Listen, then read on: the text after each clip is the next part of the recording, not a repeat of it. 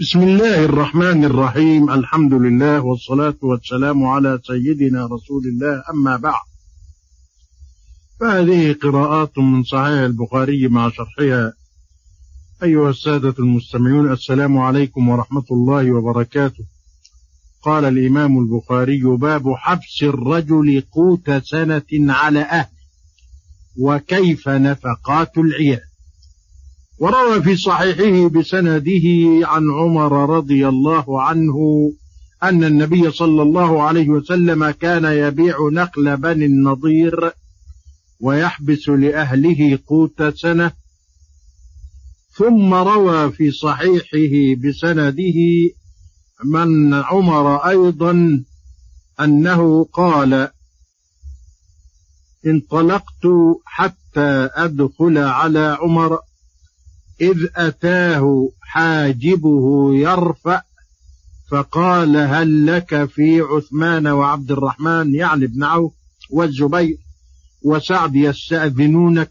قال نعم. فأذن لهم قال فدخلوا وسلموا فجلسوا. ثم لبث يرفع قليلا فقال لعمر هل لك في علي وعباس؟ قال نعم. فأذن لهما فلما دخل سلم وجلس فقال عباس يا أمير المؤمنين اقض بيني وبين هذا. فقال الرهط عثمان وأصحابه يا أمير المؤمنين اقض بينهما وأرح أحدهما من الآخر. فقال عمر اتئد أنشدكم بالله. الذي به تقوم السماء والأرض. هل تعلمون أن رسول الله صلى الله عليه وسلم قال لا نورث ما تركناه صدقة يريد رسول الله صلى الله عليه وسلم نفسه يعني وإخوانه المؤمنين. الأنبياء قال الرهط قد قال ذلك. وأقبل عمر على علي وعباس فقال أنشدكما بالله. هل تعلمان أن رسول الله صلى الله عليه وسلم قال ذلك؟ قال نعم. قال عمر فإني أحدثكم عن هذا الأمر. إن الله كان قد خص رسوله صلى الله عليه وسلم في هذا المال بشيء لم يعطه أحدا غيره. قال الله ما أفاء الله على رسوله منهم فما أوجفتم عليه من خيل ولا ركاب. الآية فكانت هذه خالصة لرسول الله صلى الله عليه وسلم. فوالله ما احتازها دونه ولا استأثر بها عليكم. لقد أعطاكموها وبثها فيكم حتى بقي منها هذا المال. فكان رسول الله صلى الله عليه وسلم ينفق على أهله نفقة سنتهم من هذا المال ثم يأخذ ما بقي فيجعله مجعل مال الله. فعمل بذلك رسول الله صلى الله عليه وسلم حياته. أنشدكم بالله. هل تعلمون ذلك؟ قالوا نعم. قال لعلي وعباس أنشدكما بالله. هل تعلمان ذلك؟ قال نعم. ثم توفى الله نبيه صلى الله عليه وسلم. فقال أبو بكر أنا ولي رسول الله صلى الله عليه وسلم فقبضها أبو بكر فعمل فيها بما عمل به فيها رسول الله صلى الله عليه وسلم. وأنتما حينئذ وأقبل على علي وعباس تزعمان أن أبا بكر كذا وكذا. والله يعلم أنه فيها صادق بار راشد تابع للحق.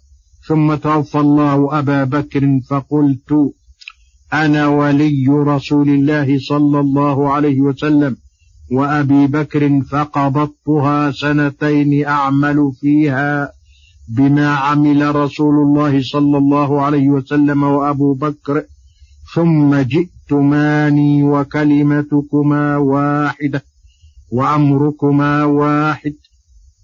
تسألني جئتني تسألني نصيبك من ابن عباس. وأتى هذا يريد عليا يسألني نصيب امرأته من أبيها فقلت إن شئت فقلتما دفعته إليكما على أن عليكما عهد الله وميثاقه أن لتعملان فيها بما عمل رسول الله صلى الله عليه وسلم وبما عمل فيها أبو بكر وبما عملت بها به فيها منذ وليتها وإلا فلا تكلماني فيها. فقلتما ادفعها إلينا بذلك فدفعتها إليكما بذلك. أنشدكم بالله.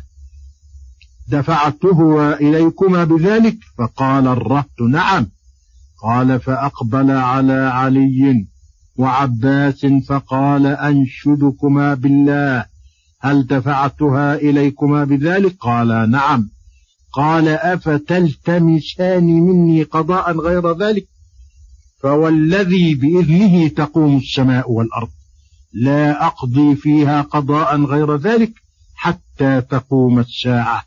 فإن عجزتما عنها فادفعاها إلي فأنا أكفيكماها. أقول وبالله التوفيق. هذا الحديث يعتبر قطعة من الأدب الحي ويعتبر صورة للصور القضاء العادل في الإسلام. وإليكم يا سادة شرح ما يتيسر من هذا الحديث الحديث الأول. عن عمر أن النبي صلى الله عليه وسلم كان يبيع نخل بني النضير ويحبس لأهلهم قوت سنتين. بني النضير هم إحدى طوائف اليهود الذين كانوا يساكنون النبي بالمدينة. وقد هموا بقتل النبي صلى الله عليه وسلم فحاصرهم وعزم على قتالهم لنقضهم العهد الذي كان بينه وبينهم فعرضوا عليه أن يجلوا عن المدينة ويؤمنهم على دمائهم ولهم ما حملت الإبل من أموالهم إلا السلاح. فقبل رسول الله صلى الله عليه وسلم على أن يكون لكل ثلاثة منهم حمل بعير من أموالهم. ولما كانت أموالهم وديارهم ونخيلهم قد أخذت بلا حرب ولا قتال كانت فيئا لرسول الله صلى الله عليه وسلم يتصرف فيها كما أراه الله. وقد ذكر الله تعالى الفيء وحكمه وكيف يصرف في سورة الحج. وال والكراع والسلاح الكراع هي الخيل والسلاح معروفة. وقد أخرج مسلم الحديث مطولا أيضا من رواية عبد الرزاق عن معمر عن الزهري بهذا السند فالحديث متفق عليه. وإليكم شرح الغامض من الرواية الثانية الطويلة. يرفع بفتح الياء وسكون الراء وفتح الفاء مهموزا وغير محموز هو حاجب أمير المؤمنين عمر رضي الله عنه. فقال هل لك في عثمان؟ هذا من حسن أدب يرفع في مخاطبة عمر. وكأنه أخذه من قول الله تبارك وتعالى لموسى عليه السلام اذهب إلى فرعون إنه طغى فقل هل لك إلى أن تزكى؟ فقال العباس اقض بيني وبين هذا يريد علي بن أبي طالب رضي الله تعالى عنه. فقال الرهط وأرح أحدهما من الآخر وهذا من الكياسة وحسن التصرف في الكلام فإنه لا يعرف الظالم من المظلوم. قوله أنشدكم بالله أي أسألكم بالله الذي به تقوم السماء والأرض أي بعلمه وقدرته وإرادته وجدتا ورفعتا وحفظتا عن السقوط. هل تعلمون أن رسول الله صلى الله عليه وسلم قال لا نور ما تركناه صدقة. يريد النبي صلى الله عليه وسلم نفسه يعني وإخوانه من الأنبياء فإن هذا قدر مشترك لأنه جاء في رواية نحن معاشر الأنبياء لا نورث ما تركناه صدقة. وقد أقر الرهب وأقر علي والعباس بما قال الصديق رضي الله عنه. بشيء لم يعطه يعطه أحدا غيره. وهو الفيء وهو كما في الآية ما أخذ بلا إيجاف خيل ولا ركاب يعني بلا حرب فوالله ما احتازها أي ما جمعها لنفسه ولا استأثر بها دونكم. وكان رسول الله صلى الله عليه وسلم ينفق على أهله نفقة سنتهم من هذا المال. وهذا هو موضوع الاستدلال بالحديث. ولكني آثرت أن أذكر الحديث كله لما قلت لكم من أنه قطعة من البلاغة وقطعة من الأدب الحي وصورة صادقة للقضاء في الإسلام. ثم يأخذ ما بقي فيجعله مجعل مال الله يعني في مصالح المسلمين العامة. وأنتما حينئذ وأقبل على علي وعباس تزعمان أن أبا بكر كذا وكذا أي منعكما ميراثكما من رسول الله. وجملة وأقبل معترضة بين المبتدأ أنتما والخبر تزعمان. والله يعلم أنه فيها أي الصديق رضي الله تعالى عنه صادق في القول بار في العمل راشد في اتباعه لرسول الله صلى الله عليه وسلم. على أن عليكما عهد الله وميثاق وبمثابة الاستحلاف لهما على ذلك. ويؤخذ من الحديث بروايتيه الأحكام والآداب الأول في الحديث جواز الادخار للأهل قوت سنة مما يدخر. الثاني ما تركه الأنبياء بمنزلة الصدقة. فلا يورث وفي هذا التشريع الحكيم تكريم للأنبياء وتنزيه لهم عن القيل والقال.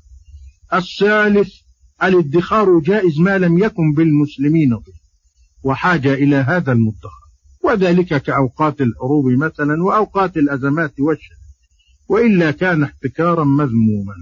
وقد كان رسول الله صلى الله عليه وسلم إذا جاءه طالب نفقة وطعام أخذ مما ادخره من قوت أهله فإذا جاء له مال رد ما استلفه إليهم لأنه صلى الله عليه وسلم ما كان يرد طالب حاجة قط فلا تعجبوا إذا كان مات ودرعه مرهونة عند يهودي. على شعير اقترضه لأهله وبرسول الله فليقتدي المقتدي. وإلى شرح القراءة التالية غدا إن شاء الله. والسلام